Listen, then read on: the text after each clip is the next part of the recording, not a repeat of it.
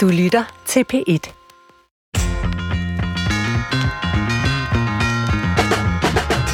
Velkommen til Brinkmanns Brix.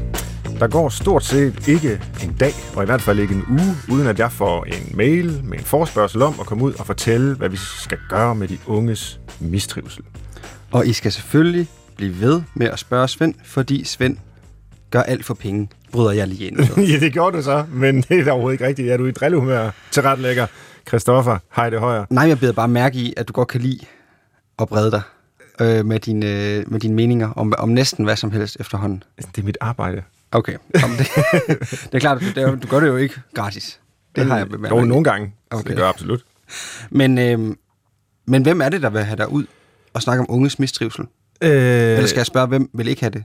det er alle steder, der er en interesse for det her, og en rådvildhed. Det er fra kommuner, skoler, politikere, forældre.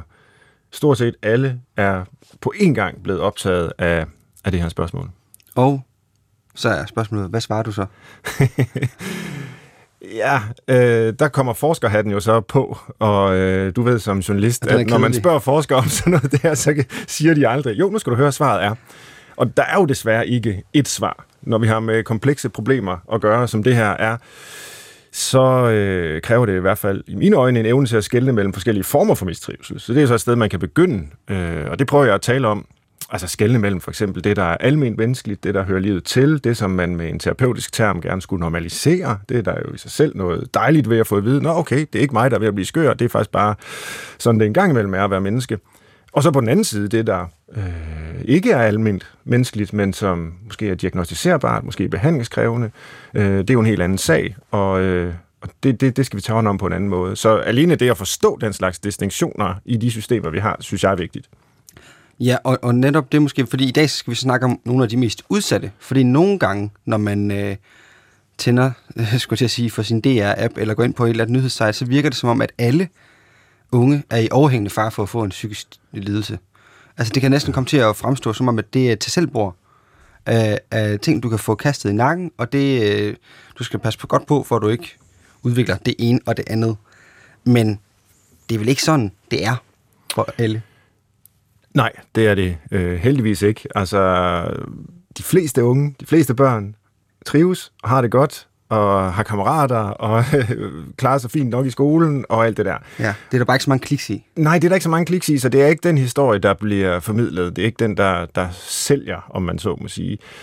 Jeg sige, dem som, og det er jo elgammel viden fra det, der hedder epidemiologi, altså hvem er det, der får forskellige psykiske lidelser fra viden fra psykologien, fra psykiatrien osv., det er øh, børn af forældre øh, med, med, med få ressourcer, af mange forskellige grunde, som, mm. øh, som får det sværest statistisk set. Dem, der ofte bekymrer sig mest øh, for, hvordan det dog skal gå, øh, det er jo nogle gange dem, vi sådan lidt nedsættende kalder øh, curlingforældre, og det er jo i reglen dem, der har det mindste behov for at bekymre sig.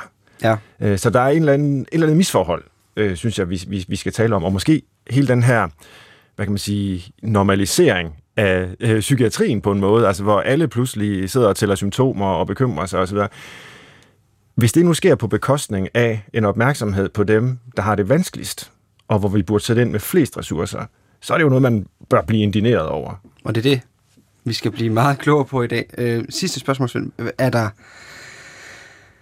Når, ja, du, du, du er så ude og fortælle om det her. Er, er, er, mener du, eller oplever du, at folk forstår den her skældning mellem sådan måske lidt mere, og nu siger jeg noget, jeg ved ikke, om det er helt kokset, og så sige livsstils psykiske lidelser, mm. og så de her måske lidt mere, for det er jo det, vi skal lidt på, med skizofreni, bipolar lidelse, sådan nogle andre, øh, som måske karakter, kan karakteriseres som mere voldsomme, øh, psykisk lidelse, altså hvor, som også ofte ender i psykiatrien, og som måske har et andet udtryk, og måske også en anden genetisk øh, øh, ja, komponent.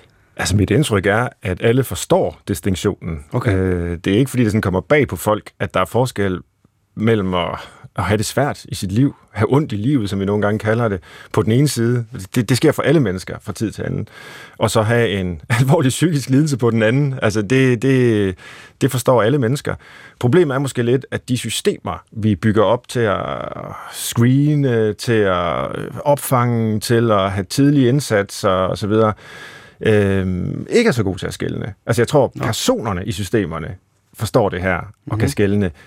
Men øh, jeg er ikke altid sikker på, at vores øh, værktøjer og manualer og den slags er, er gode nok til det. Det er derfor, vi skal have tilstrækkeligt med manpower i, i systemerne, og ikke bare overlade det til øh, en eller anden øh, automatik. Men det kan vi måske komme tilbage til, når øh, vi skal i gang med øh, samtalen med dagens gæst om dagens emne, og gæsten er Anne Thorup. Velkommen til dig, Anne. Tusind tak. Du er overlæge og professor i børne- og ungdomspsykiatri ved Københavns Universitet og Region Hovedstadens Psykiatri Børne- og Ungdomspsykiatrisk Center. Og så har dit professorat særlig fokus på forebyggelse og tidlig intervention. Tusind tak for at have taget toget her til øh, Aarhus for at sidde med os i dag. Det er jeg rigtig glad for. Og øh, ja, vi har jo talt om det med psykisk sygdom, øh, Christoffer og jeg her, som øh, noget alle kan blive øh, ramt af. Øhm, som Christoffer var inde på, så lyder det tit i medierne som om, at hele ungdommen balancerer på kanten af de her diagnoser, og sådan er det heldigvis ikke. Men som jeg også nævnte, så er der lidt af en dårlig nyhed øh, i det her øh, spørgsmål også, fordi hvis man i familien har psykiske lidelser, især måske øh, tilstande som bipolar lidelse, skizofreni, alvorlige depressioner, så er risikoen for, at man selv bliver ramt øh, som barn øh, markant forhøjet. Omvendt kan man jo så sige, hvis man i sin familie ikke har den slags tilfælde, øh, så kan man glæde sig over, at man sandsynligvis ikke skal slås med de her mere vanskelige udgaver af menneskets psyke. Men de forældre, der måske er presset i forvejen, fordi de selv har det dårligt, de kan blive endnu mere presset, hvis et barn udvikler symptomer på noget af det her. Og det nævner jeg, fordi det er ligesom en måde at sætte scenen på. Øh, som baggrundstæppe kunne vi også sige for, for alt det, du øh, arbejder med som øh, forsker, Anne. Du arbejder nemlig med de børn, hvis forældre har psykiske sygdomme, ja. som del af et stort forskningsprojekt, der undersøger børn af forældre med skizofreni og bipolar lidelse, og det skal vi dykke mere ned i. Ja. Det var en lang intro. Ja. Hvordan kom du i gang med det? Øhm, jeg har altid været i tvivl, om jeg nu skulle være læge eller psykolog. Mm-hmm. Og øh, derfor var det tydeligt, at da jeg blev færdig som læge, så skulle jeg i retning af psykiatrien eller børne- og ungdomspsykiatrien. Og så skrev jeg Ph.D. om unge voksne med debuterende psykose, øh, dengang varetaget af professor Marete Nordentoft. Og allerede der synes jeg, at den måde, hun havde tænkt en ny behandling for unge med alvorlig psykisk sygdom, nemlig psykose, at tænke sociale ressourcer, helhedsorienteret, tværfaglighed, øh, øh, terapi og udover medicin ind i det, det synes jeg var meget fascinerende. Mm. Men så fandt jeg alligevel ud af, at jeg skulle være børne- og ungdomspsykiater, fordi børn har jo det her udviklingspotentiale, som jeg blev enormt fascineret af. Selvom de kommer ind ad døren med symptomer på det ene eller det andet, så er de også kreative og sjove, og det var helt fantastisk at se dem blive raske. Men det, der også slog mig, var, at vi ofte i børne- og ungdomspsykiatrien, så har vi jo en journal, og så skriver vi under familiær disposition. Så kunne vi skrive, far har bipolar sygdom, eller mor har haft en spiseforstyrrelse. Og så diagnosti- udredte og diagnostiserede vi barnet, og så gjorde vi ikke mere ved det. Og så mm. tænkte jeg, gad vide, hvordan det er for sådan en familie, og nu skulle hjem og implementere ADHD-pædagogik eller øh, andre ting for at få hverdagen til at fungere, og samtidig dele med, at far måske har en svær fase, hvor medicinen ikke rigtig virker, eller han af andre grunde er, har fyldt af sine egne vanskeligheder. Mm. Så har vi ligesom psykisk sygdom i to generationer, men vi ser det ikke, fordi vi kigger så meget på individet i sundhedssystemet. Ja.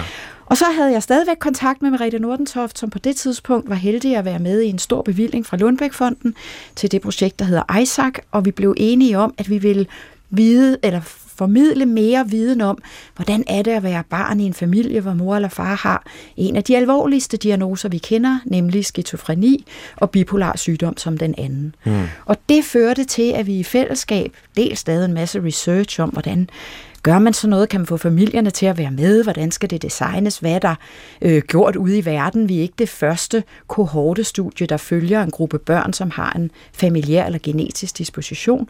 Men vi fandt ud af, at vi kunne gøre nogle ting bedre end de forrige studier.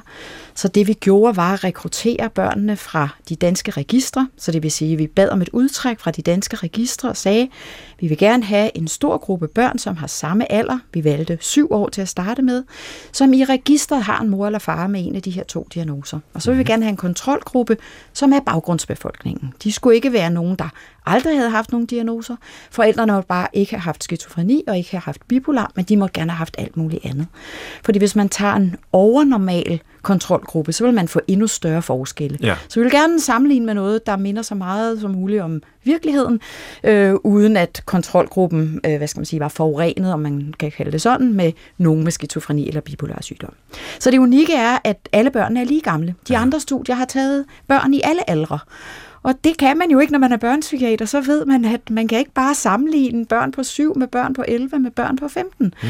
Så det var unikt, og så var det unikt, at vi kunne rekruttere fra de danske registre, hvilket har en høj troværdighed. Det kan man ikke i ret mange andre lande Nej. øh, på den måde, vel? Og så har vi kunnet få både data fra forældrene, begge forældre i rigtig mange. Vi endte med jo en kohorte på 522 børn, hvor vi har meget grundige øh, oplysninger fra både begge forældre og fra barnet selv.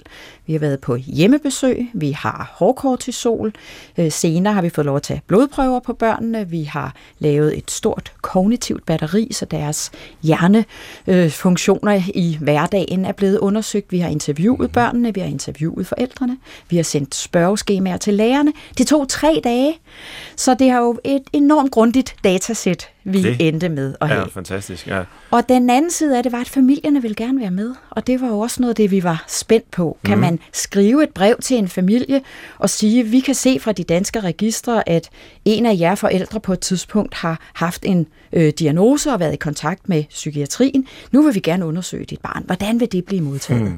Og hvordan gør man det uden at virke øh, fordømmende eller stigmatiserende eller risikoforstærkende? Øh? Ja, Men altså det, der skete, var, også? At Ja. rigtig mange familier sagde tak. Hvor er vi glade for, at der endelig er nogen, der interesserer sig for vores børn. For når vi som voksne med en psykisk sygdom kommer i voksenpsykiatrien, så bliver der ikke spurgt til børnene. Der bliver ikke spurgt til, hvordan jeg klarer mine opgaver som forældre. Øh, De har som regel ikke så meget forstand på børn, de har ikke tid, og det samtalerne handler egentlig bare om medicin og bivirkninger. Ja. Og hvis jeg selv har mistanke om, at mit barn har nogle vanskeligheder, ja, så kan jeg godt ringe til børne- og ungdomspsykiatrien, men de siger, ej, kom tilbage, når han har nogle flere symptomer, det lyder for mildt endnu. Og jeg tør ikke ringe til kommunen, for så er jeg bange for, at børnene bliver fjernet. Mm. Nu sætter jeg tingene lidt på spidsen, Jo, jo, jo. men det er de historier, familierne har fortalt os, Ja. om at børnene på en måde falder mellem tre stole. Vi ved fra statistikken, at de er forhøjet risiko. Voksenpsykiatrien har ikke ressourcer eller kundskaber til at inddrage familierne ret meget. De er ikke nødvendigvis syge nok endnu til at komme i børnepsykiatrien, og forældrene er smadret bange for at kontakte kommunen. Ja. Eller børnene er rigtig veltilpasset og falder i med tapetet, så ingen heller ikke i skolen har lagt mærke til, at der måske er en svær situation hjemme hos dem. Så 522 børn øh, er forældre med psykiske lidelser, eller er det den totale population Ja. på begge 202 grupper? børn har en mor eller far med skizofreni. Ja. 120 børn har en mor eller far med bipolar sygdom, og 200 børn har mor eller far uden de to diagnoser. Ja. Og det er vigtigt for mig at understrege, at det eneste, vi ved om de forældre, er, at de på et tidspunkt har haft den diagnose, skizofreni eller bipolar sygdom. Okay. Og som du jo også ved, så er jeg fortaler for, at vi husker det dynamiske omkring diagnoser og psykiatri. Så når vi mødte familierne, så sagde vi altid, vi ved, at du på et tidspunkt har haft en psykiatrisk diagnose. Underforstået, det er ikke sikkert, du har den i dag. Det er slet ikke sikkert, der er symptomer. Det kan også være, at den, det stadig er en psykisk sygdom, som fylder i jeres liv. Og vi sagde også til familierne, at vi talte ikke med børnene om den psykiske sygdom, for vi havde jo også de 200 kontrolfamilier mm. med. Så den undersøger, som skulle tale med børnene, var blindet for, om det var et barn, der var disponeret familiært for psykisk sygdom, eller om det var et såkaldt kontrolbarn. Og det var for nogle familier betryggende, fordi så vidste de, at alle børn blev undersøgt og mødt ens, mm-hmm. og vi gjorde, hvad vi kunne i hvert fald, for ikke at lægge vores bevidste eller ubevidste forudindtaget øh, holdning øh, til barnets øh, resultater øh, Det lyder som et meget veldesignet øh, forskningsprojekt. det også, det. Og, og, og I så børnene første gang, da de var øh, Syv syv år gamle, Og hvor ja. gamle er de nu? Ja, så så vi dem i de her tre dage. Det tog tre år at se alle 522 børn, øh, øh, da de var syv år gamle. Ja. Så trak vi vejret et år og skrev nogle phd afhandlinger og nogle videnskabelige artikler, og så blev børnene 11 år gamle, og så så vi dem for anden gang. Og der havde vi 89 procent af de 522 familier ville gerne være med igen. ja, det var flot. Og det understreger jo også, at familierne har også fået noget ud af det, selvom vi prøvede bare at være Ja. observerende og objektive.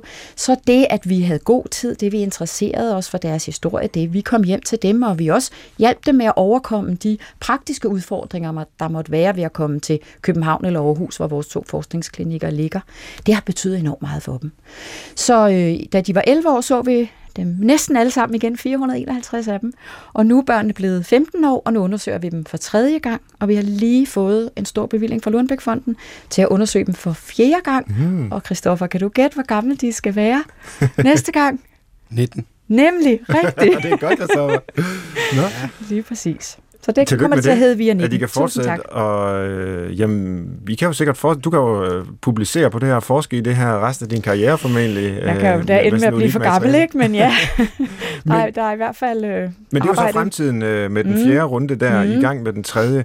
Det kan være, at vi kan prøve at øh, slå ned de forskellige gange, I har talt med børnene, for at få frem, hvad, hvad I egentlig har kunne se. Ja. Øh, for det er klart, der må være store forskelle, alt efter om børnene er 7, 11 eller, ja, eller 15. Præcis. Altså, da I, øh, da I så dem som syvårige, øh, hvad, hvad karakteriserede så de her børn? Ja, syvårige børn, altså vi valgte jo alderen syv år, fordi vi tænkte, at der kunne biologisk mor, men også forældrene stadig huske noget om børnenes øh, tidlige opvækst, og det vil vi gerne have information om. Men de var samtidig nået til den milepæl i børnelivet, som er at starte i skole. Der er mange børnehaver, der er gode til at rumme børn med forskellige vanskeligheder, uden egentlig at se det. Men når man skal starte i skole, så skal man altså have styr på sin skoletaske, man skal kunne skrue låget af vandflasken, man skal kunne følges med de andre ned til gymnastik, og man skal også øh, nogenlunde kunne høre efter, hvad læreren siger. Så det var i så været et ret godt tidspunkt for ligesom at allerede begynde at se, er der nogle forskel mellem de tre grupper, vi havde. Og øh, da vi af syv undersøgelsen var færdig, og vi sad med resultaterne, så altså, fik vi ondt i maven. For det var så tydeligt, at især de børn, som har en familiær eller genetisk disposition for skizofreni, stak ud eller klarede sig markant dårligere inden for en lang række af de områder, vi undersøgte dem. Både kognitivt, altså med hukommelse, sprogudvikling, problemløsning, men også med emotionskontrol, altså det at kunne regulere sine følelser, sociale færdigheder og kunne aflæse sociale situationer og skabe sociale øh, kontakter. Øh, motorisk, vi, lave, vi blev uddannet af en fysioterapeut i at lave en motorisk test. Børn, som er disponeret for skizofreni, klarede sig dårligere i forhold til øh, at kaste med en bold og holde balancen og finmotorisk.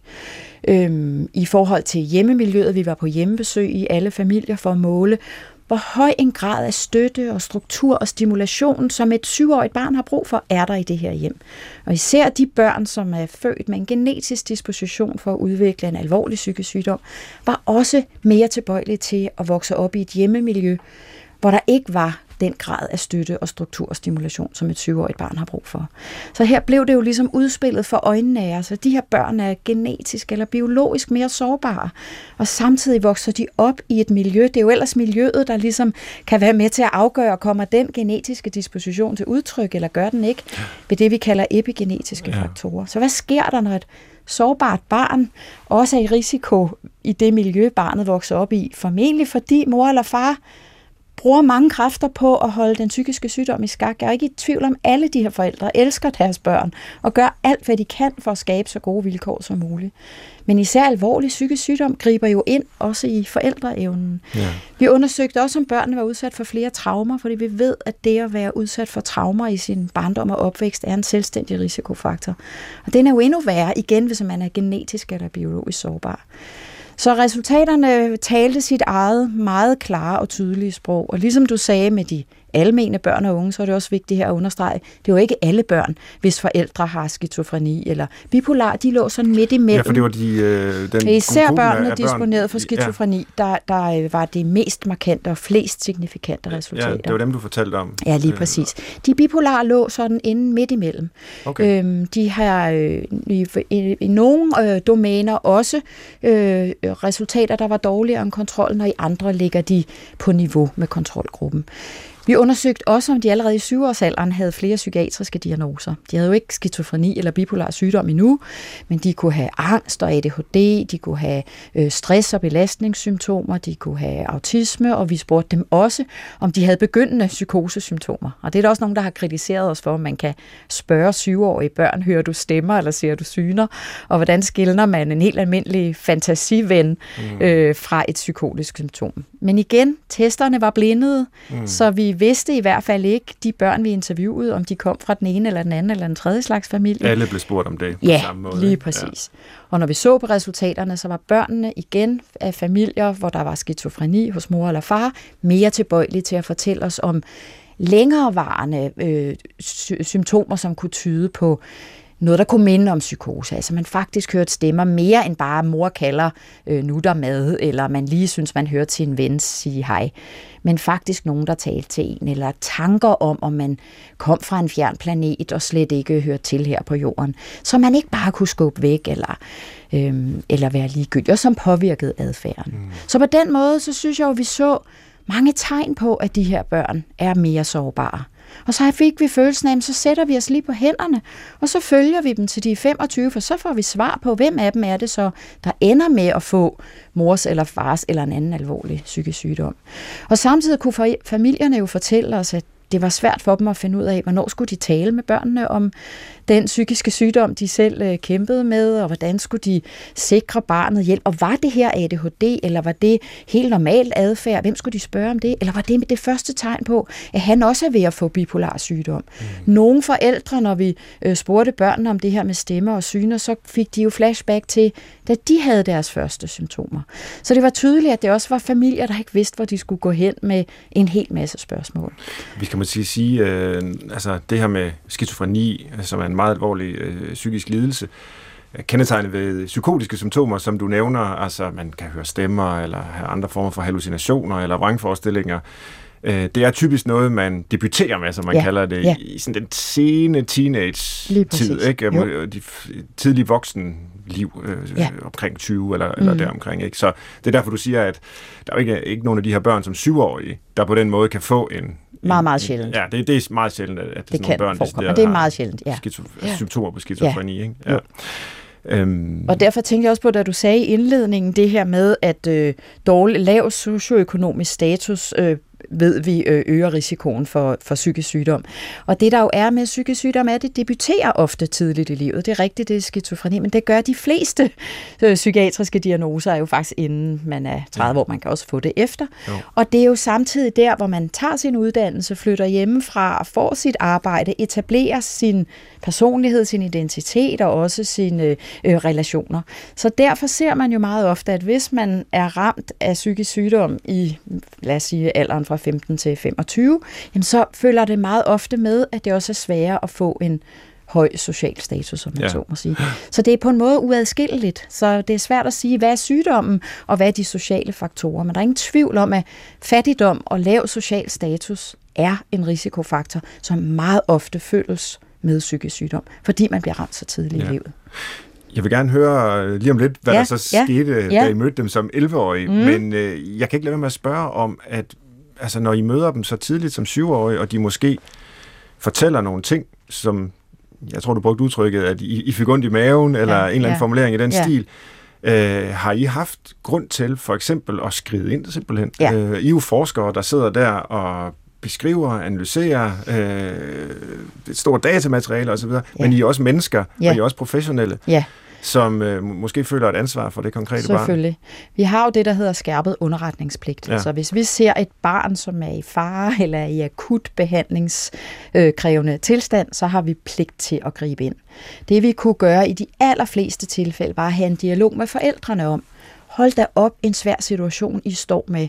Du står alene med tre børn, og det barn, vi har talt med, fortæller os om øh, angst eller ondt i maven eller noget andet, skal vi prøve, om vi kan skrive en underretning til kommunen og se, om kommunen vil hjælpe jer med den samlede situation. Mm. Mange forældre bliver bange, når de hører ordet underretning, indtil man fortæller dem, Du må gerne læse med, du må gerne skrive, hvad du synes, mm. og øh, det er kun en opfordring til kommunen til at overveje, om de kunne give dig eller dit barn lidt mere støtte. Mm. Og som regel, når man gør det på den måde, så kan man sagtens øh, få dem øh, med til det. Øhm, man hører en også gang meget... imellem havde vi jo underretningspligt, og så blev ja. vi nødt til at gøre det, uanset okay. hvad forældrene. Og der er også øh, et par familier, der er blevet lidt, lidt sure på os, men, ja. øh, men det er vores pligt. En gang imellem stod vi også med et barn, som tænkte, hvor vi tænkte, det her barn har brug for øh, akut øh, børne- og ungdomspsykiatrisk øh, hjælp. Eller måske kunne man sige, hvis det her ikke bliver bedre, så op opfordrer vi jer som forældre til at gå op til egen læge, og hvis I har brug for det, kan vi godt skrive et lille resume af, hvad vi har set. Mm. Øhm, så ja, for jeg tænker i, på de lange ventelister, der er til børne- ja, og ungdomspsykiatri. Ja, ja, altså her der får man jo pludselig øh, ikke jo en udredning i formel forstand, men alligevel en ret god afdækning af, Lige hvordan præcis. det her barn har Lige det. præcis. Men ofte kunne vi give alle familierne en tilbagemelding, og det ja. er jo også noget af det, som måske har gjort, at familierne gerne vil være med, at vi, når den lange undersøgelsespakke var slut, jamen så havde vi en dialog med forældrene om, hvad så vi, hvad var barnets ressourcer, hvad opfatter vi som helt normalt, og noget man ikke behøver at bekymre sig om, og hvad kunne det være, at forældrene skulle holde øje med, og hvis det blev et problem for barnet, så skulle de reagere på det. Øh, så på den måde fik familierne også noget tilbage, og mange forældre blev også beroliget, mm. og tænkte, nå okay, jamen øh, det har I hørt øh, mange gange før, det tager vi stille og roligt.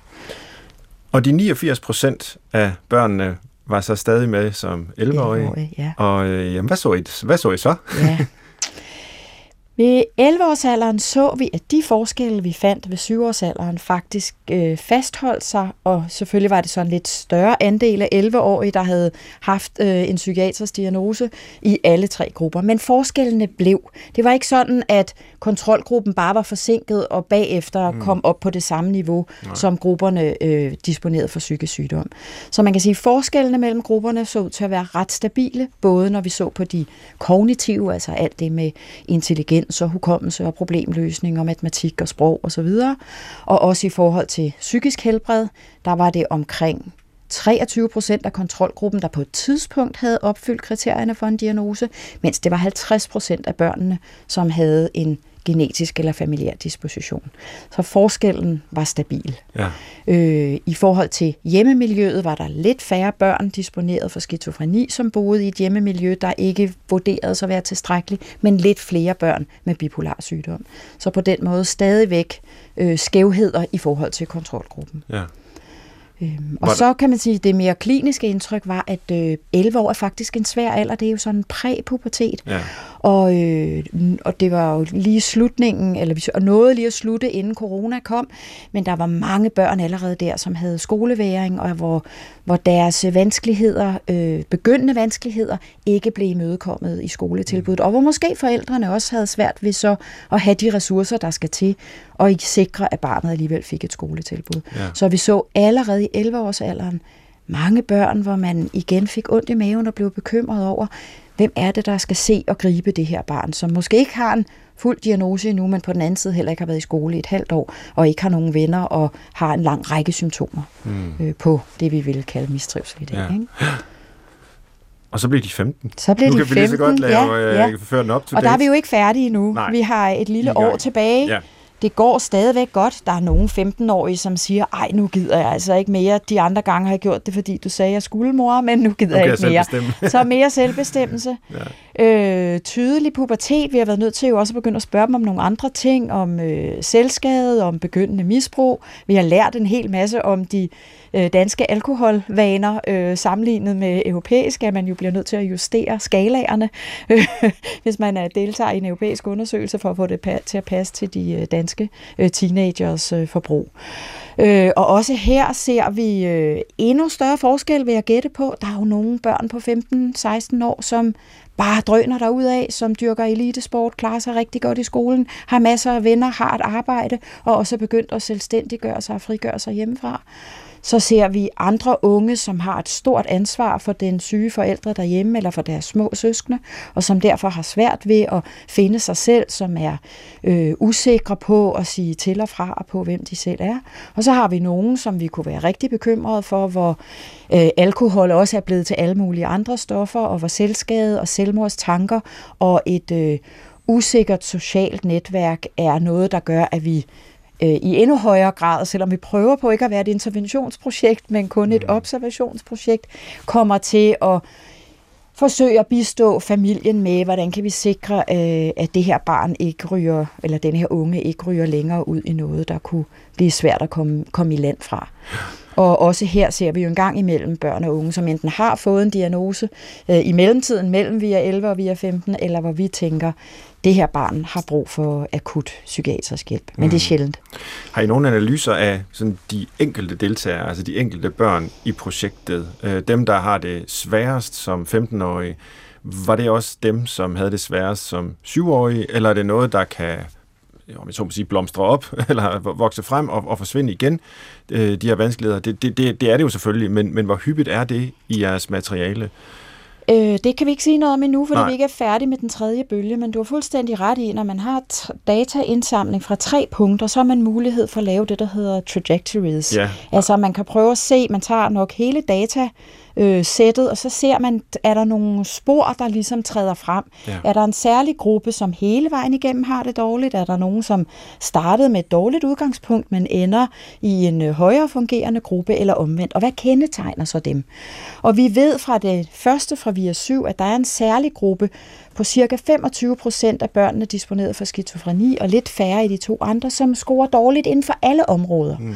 Og det kunne jo være, at det var sådan nogle børn, hvor når vi en gang har de øh, endnu øh, senere resultater, kan sige, kunne det være, at vi kunne lave et lille testbatteri på en time eller to, på baggrund af de her meget grundige data, og sige, hvis man både klarer sig dårligt, socialt, kognitivt, øh, motorisk og, og har va- vanskeligheder derhjemme, jamen, kunne det være, at vi skulle tilbyde det barn et lidt særligt øh, støtte eller forebyggende indsats på et tidligt tidspunkt?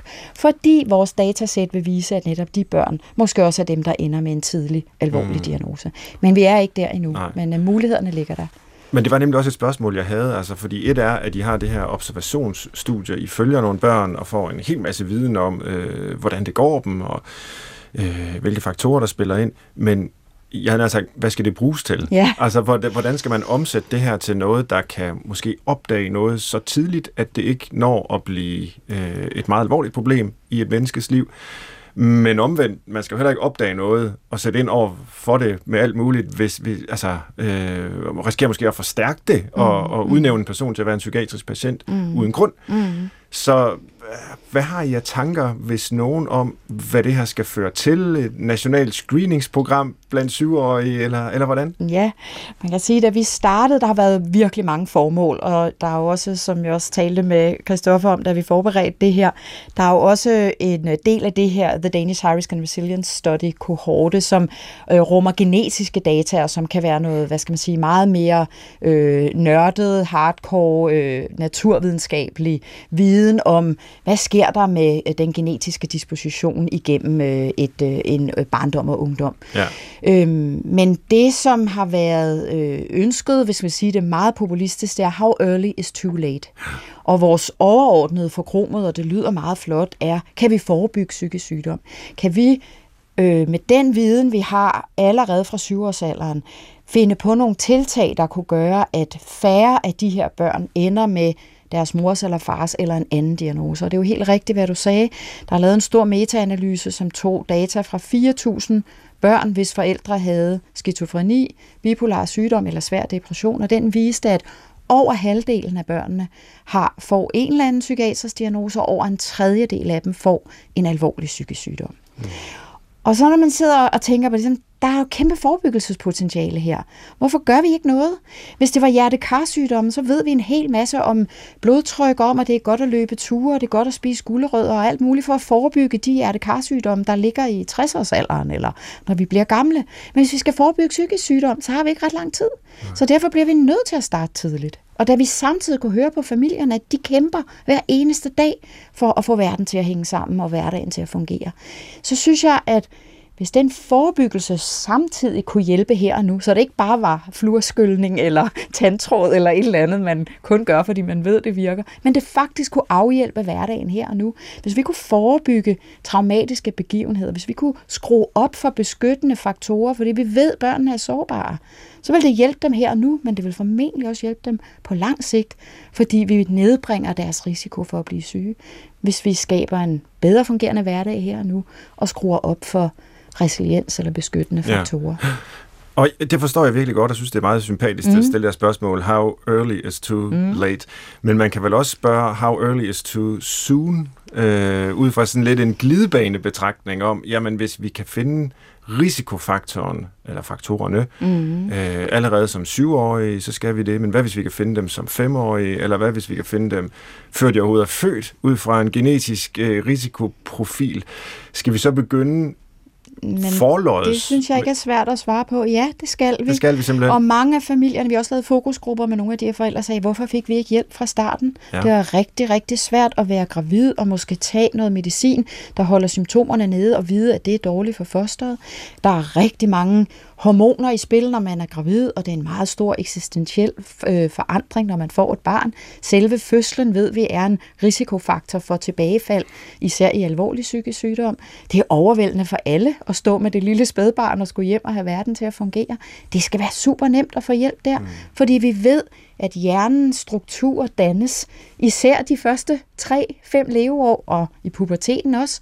Så derfor skal vi støtte forældrene, som er en af de allervigtigste faktorer for barnets udvikling, så meget som muligt. Ja. Og jeg synes, vi, jeg synes på en måde, den måde, du spørger om, bliver endnu mere stigmatiseringsfastholdende, fordi hvorfor er det stigmatiserende eller, eller stemplende. Hvis vi nu tænkte, vi har alle sammen et psykisk helbred, vi kan alle sammen blive ramt af psykisk sygdom, og, og, øh, og det er noget, vi kan gå ind og ud af. Og selvfølgelig skal vi have hjælp til det i de særlige perioder, og selvfølgelig vil vi alle gerne det bedste for deres børn. Mm. Så hvis de tidlige år er særligt stressende og svære, det er de formentlig for alle øh, nybagte familier, så synes jeg, vi skal sætte ind der. Jeg snakker ikke om, at de børnene skal have antipsykotika eller noget andet skadeligt, men jeg snakker om, at vi skal prøve at gøre miljøet for familien, altså støtte familien, som er det centrale miljø for det lille barn, mm. så godt fungerende som muligt. Ja. Og nogen har brug for lidt mere hjælp end andre. Ja. Okay. Og jeg medgiver også, at det måske er sådan lidt en, hvad kan man kalde det, flot, nem måde at, at spørge på, men vi har jo for visse andre øh, lidelsers vedkommende, mm. den diskussion der. Mm. Altså det kan godt være, at jeg har en genetisk disposition for at, altså, en forhøjet risiko for at udvikle Alzheimer's demens, ja. eller øh, nogle kvinder har det for at udvikle en bestemt form for øh, brystkræft, for ja. eksempel, eller sådan noget. Men ønsker jeg at vide det? Ønsker mm. jeg at leve mit liv med mm. udgangspunkt i, at jeg er så sådan en, der i alt, hvad jeg gør, skal tage højde for, at jeg måske kan, osv. Mm. Der følger også måske en overbekymring med, en angst med, øh, som man måske, nu er det jo bare, at jeg spiller djævel, ja, djævels advokat ja, ja. over for det her, risikerer at puste lidt til. Mm. Og kan man puste for meget og for tidligt? Jeg er helt med på, at man skal sætte ind, når det er øh, relevant og nødvendigt mm. og hjælpsomt, men man skal jo ikke sætte ind, før det er det måske. Mm. Øh, det kan man måske i nogle familier. Mm. Der var også nogen, der sagde nej tak til at være med i vores kohorteundersøgelse, fordi de havde det fint, og der var ingen problemer, og der skulle i hvert fald ikke være nogen, der kom og stillede deres børn nogle spørgsmål. Og det synes jeg, man skal respektere fuldt ud. Men jeg synes, vi skal tænke ind både i den voksenpsykiatriske behandling og i det, vi kalder den universelle forebyggelse. At vi kan alle sammen have godt af at arbejde med vores forældrekompetencer. Mm-hmm. Når jeg underviser i forældrekompetencer, så siger alle lægerne og psykologerne, ej, det skal jeg hjem og prøve på mine egne børn, og jeg går også hjem og gøre det på min. Vi kan, altså, så der, noget af det her er jo universelt. Vi tilsætter også jod til saltet, så vi alle sammen øh, ikke får stofskifteproblemer. Ja. Øh, så på den måde, og de, den intervention, vi er jo i gang med at udvikle, er alene baseret på, hvad familien selv er motiveret for, hvilke problemer de selv synes, de kæmper med her og nu, og aldrig nogen former for tvang, eller mm. pådutten, eller vi kan se, eller I burde, eller noget. Så jeg er helt med på, at det her skal være på niveau med universel forebyggelse, og det skal være i takt med familiens øh, egen motivation, og, og hvad de selv oplever som relevant eller bekymrende. Men fakta er, at rigtig mange forældre bekymrer sig om deres psykiske sygdom påvirker barnet, om barnets øgede risiko øh, kommer til udtryk på den ene eller den anden måde, og er så taknemmelige for at få hjælp til det. Ja. Og, og så nu... kan der jo være perioder, hvor der ikke er nogen symptomer, hvor det går godt, og så siger man, fint, hvor er det dejligt, her er vi, hvis I har brug for os. Ja. Og og du nævner universel forebyggelse, og mm. der mhm. kunne jeg godt tænke mig at foretage et øh, sådan lille spring i ja. samtalen, fordi ja. du jo øh, også har udgivet en bog på 88 sider ja. øh, sidste år med titlen Hvordan styrker vi børn og unges mentale helbred? Ja. Og det er jo et spørgsmål, der netop er universelt. Mm. Det angår ikke kun børn i bestemte risikogrupper.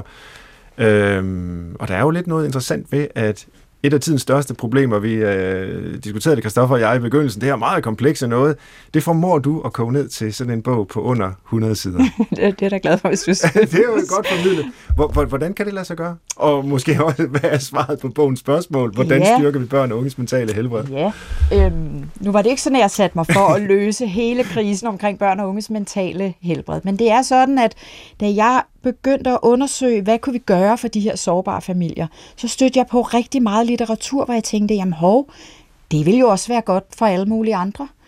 Øh, og jeg fik oplevelsen af, at øh, vi har en hel masse viden, som vi faktisk ikke bruger godt nok øh, endnu, eller som vi kunne omsætte til meget mere handling, end vi gør.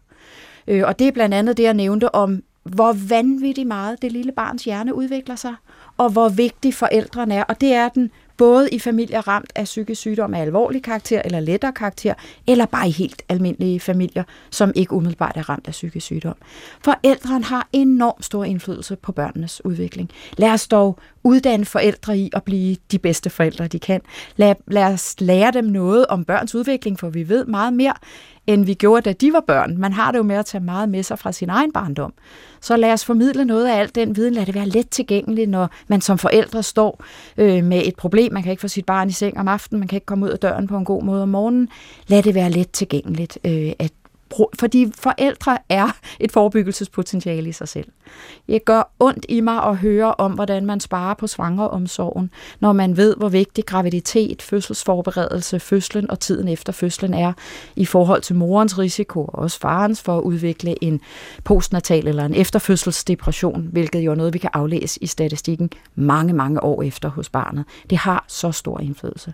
Vi har lavet et registerstudie, hvor vi undersøgte, hvad betyder det for et barn, hvis mor eller far har et selvmordsforsøg i løbet af barnets opvækst. Og særligt, hvad betyder barnets alder, når mor har et selvmords, eller far har et selvmordsforsøg, for barnets risiko som voksen for selv at have et selvmordsforsøg. Og jeg tror, vi troede, at det ville være det værste, hvis mor eller far havde et selvmordsforsøg, når barnet var i puberteten. Øh, men det, det viste, var, at jo yngre barnet er, når mor eller far når til et sted i sit liv, hvor det kan føles som en løsning at tage livet af sig, jo større er barnets risiko som voksen for også at have selvmordsforsøg. Mm. Og det understreger bare den her følsomme hjerne, og hvor betydningsfuld de første leveår er. Mm. Så jeg synes, der er et forebyggelsespotentiale der. Det prøvede jeg at skrive noget om i bogen. Så har jeg været optaget af tryg tilknytning. Ja. Vi ved rigtig meget, og der har jo været en fantastisk øh, tradition for tilknytningsforskning øh, og, og tilknytningsteorien. Og jeg forstår ikke, at vi har børnehaver og vuggestuer og skoler og fritidsinstitutioner, der ikke i højere grad inkorporerer betydningen af at arbejde i en relation, personkonstans, at det sårbare barn bliver set og genkendt af øh, personale, øh, som øh, er stabilt øh, og tilgængeligt over tid, i stedet for vikar og udskiftning og alt for mange børn til alt for få. Øh. Så selvom man har et trygt tilknytningsmønster med sig hjemmefra, så har man også brug for at blive mødt med det øh, senere. Og så er der selvfølgelig, og det er jo lidt for tærsket, men de digitale øh, mediers øh, indflydelse. Jeg er ikke i tvivl om, at der er rigtig mange gode ting ved dem, og når man taler med børn og unge, så siger de jo, at der er en masse fede ting ved det.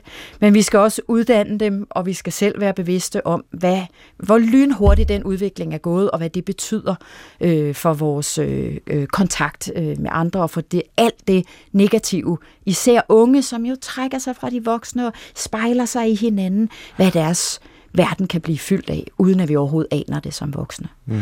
Og til sidst også, hvad betyder det for et toårigt barn, som skal aflæse ansigter, forstå sociale situationer og navigere i verden og regulere sine egne følelser? Er mor også, eller far, kigger ind i en telefon en stor del af tiden? Hvad er det for et signal, vi sender til vores børn, når vi kigger på vores telefon? Og jeg ved godt, det er svært. Det er rigtig kedeligt at stå på en legeplads og gynge et barn i lang tid. Jeg har også fristet til at tage min telefon op af lommen. Men øget bevidsthed om det, og der har vi travlt, fordi det er gået så hurtigt. Ikke? Så det lyder som om, det er vi, der er i bogens titel, hvordan mm-hmm. styrker vi børn og unges mentale helbred, det, det er lidt forskellige vier. Altså et af de vier er forældre, der kan læse den her bog og ligesom ja. sige, okay, jeg skal nok ikke lige kigge i min telefon hele tiden, når ja. jeg er ude og lege med barnet. Ja.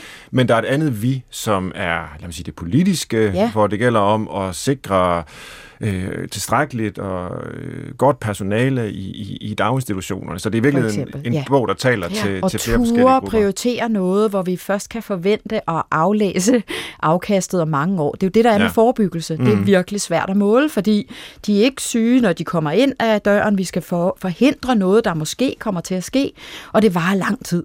Så derfor er det meget sværere at rejse midler til forebyggelsesprojekter, end til når der er nogen- en, der først står, som du også selv sagde, med et alvorligt problem. Og vi har for nylig sendt en, øh, et program i vores øh, Brinkmanns Brix her, som handler om øh, det, som forskeren øh, Henrik Venegård kalder børnevælde. Ja. At vi har en kultur, hvor vi lægger rigtig meget vægt på vores børn. Vores Ja. børns liv skal lykkes. Ja. Forældre, Ja. de læser selvhjælpsbøger, Ja. de bekymrer sig, de går på kurser.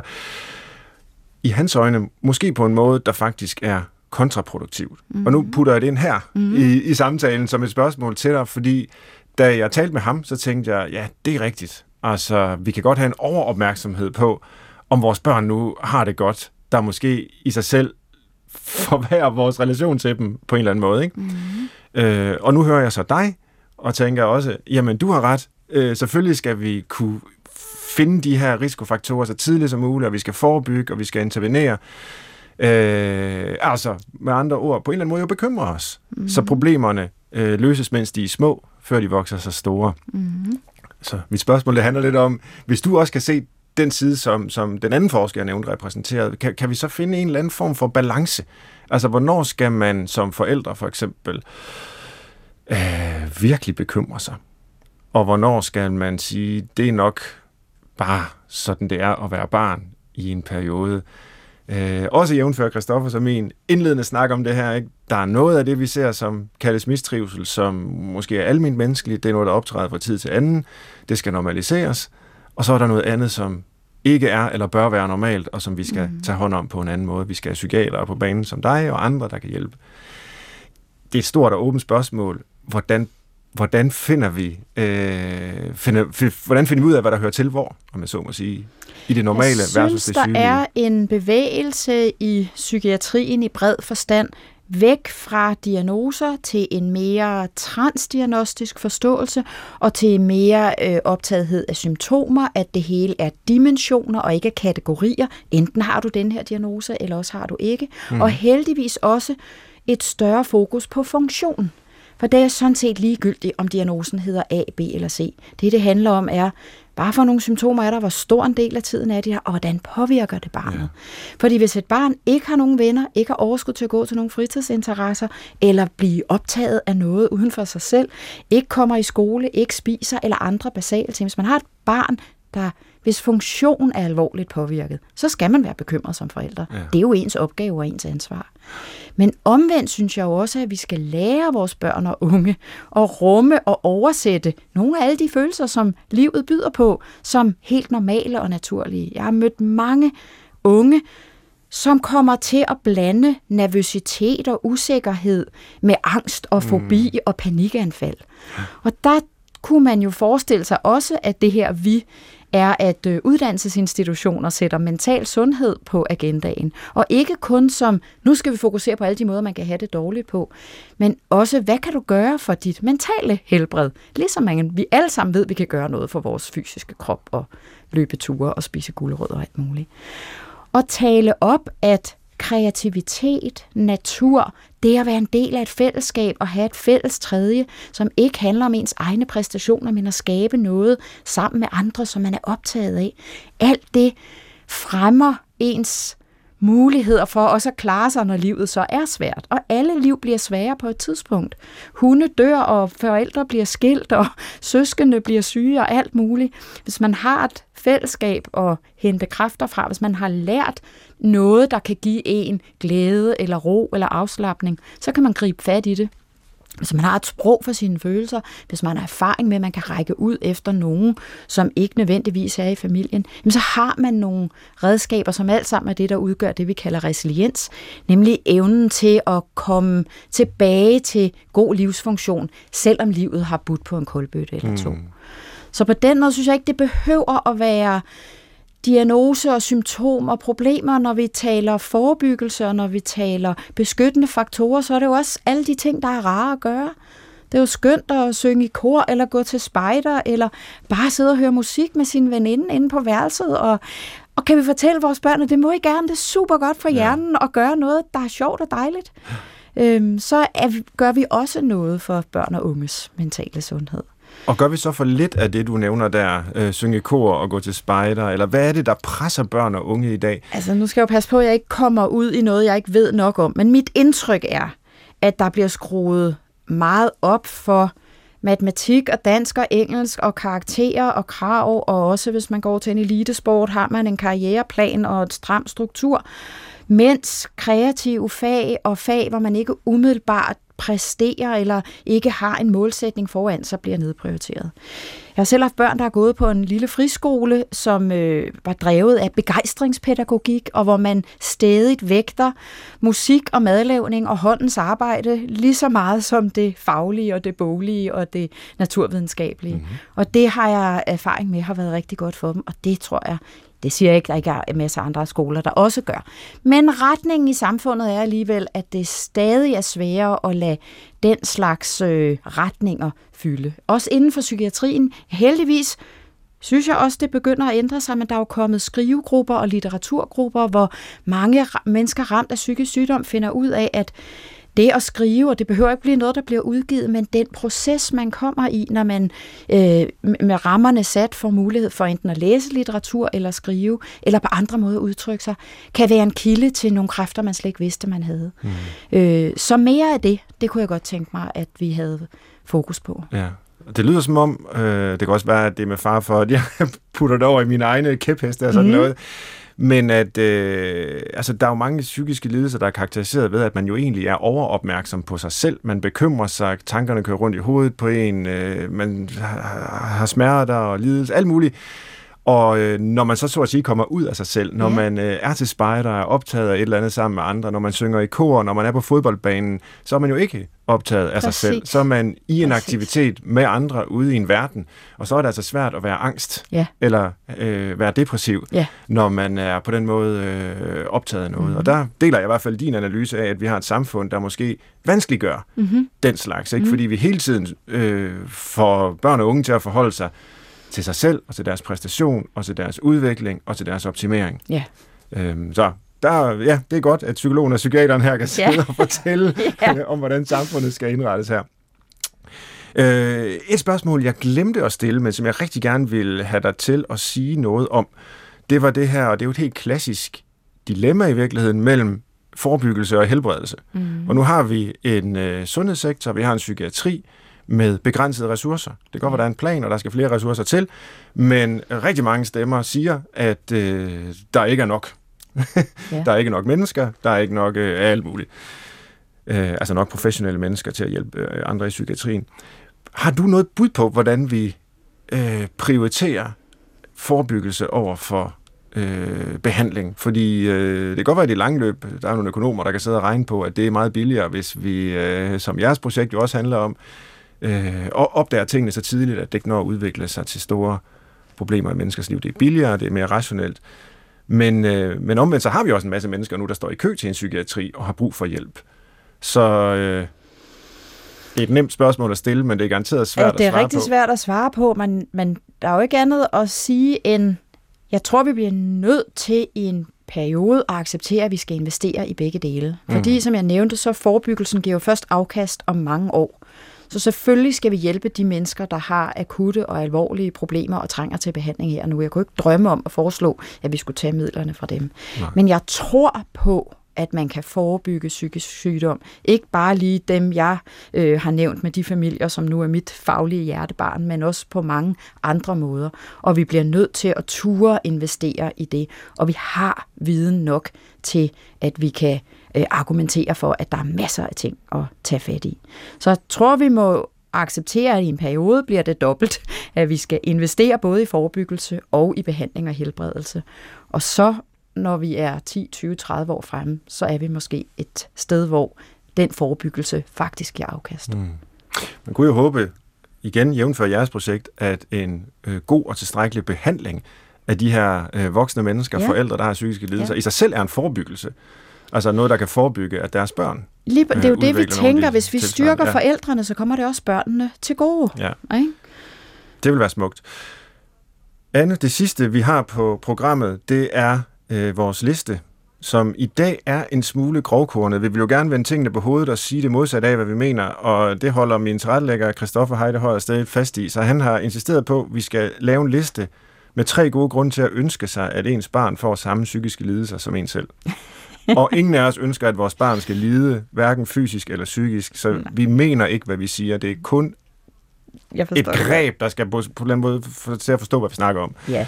Så har du indspil til den, Anne Thorup, så lytter jeg gerne. Ja, men jeg synes jo, jeg har set så mange børn og unge have det rigtig dårligt og blive raske igen. Og en af, hvis man kan vende en psykisk sygdom om til, at det også er en gave, fordi man får så stor indsigt i sig selv, og man får så stor viden om livet, så man på en måde er klædt på til at leve resten af sit liv på en helt anden måde, end man var før. Sygdom har som regel et budskab eller et formål, selvom vi ikke umiddelbart tænker det. Mange, som jeg har set, som kom med øh, stemmer eller hallucinationer, havde i virkeligheden været udsat for nogle overgreb eller nogle traumer, som de havde brug for at tale om og arbejde med. Jeg har set mange unge piger og kvinder med spiseforstyrrelser, som i virkeligheden havde, i virkeligheden havde valgt det at sulte sig selv ihjel som en overlevelsesstrategi, fordi de var så bange for at leve de næste trin af livet, der lå foran dem. Hvis man har OCD, så har man brug for at kontrollere alting, måske fordi man i virkeligheden er rigtig bange for, hvad der sker, hvis man giver slip en gang imellem. Så selvom det er alvorligt med psykisk sygdom, så kan vi også godt prøve at få noget mening ud af det. Og vi kan bruge det til at skabe et rum, hvor man reflekterer, hvor man får fat måske også i sin kreativitet eller sine ressourcer, eller finder ud af, hvad man er god til og hvad der er vigtigt. Mm. Så jeg vil helst være det vikarierende håb og ikke male tingene alt for sorte, og jeg vil jo også gerne hen til et sted, hvor diagnoser ikke er så interessant, som, som vi gør dem til.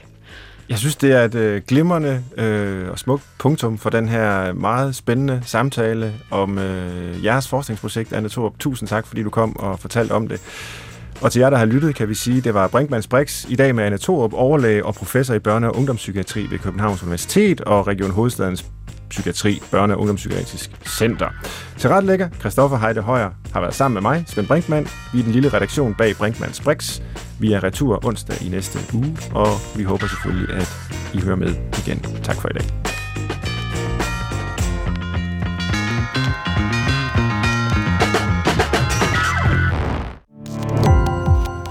Gå på opdagelse i alle DR's podcast og radioprogrammer. i appen DR Lyd.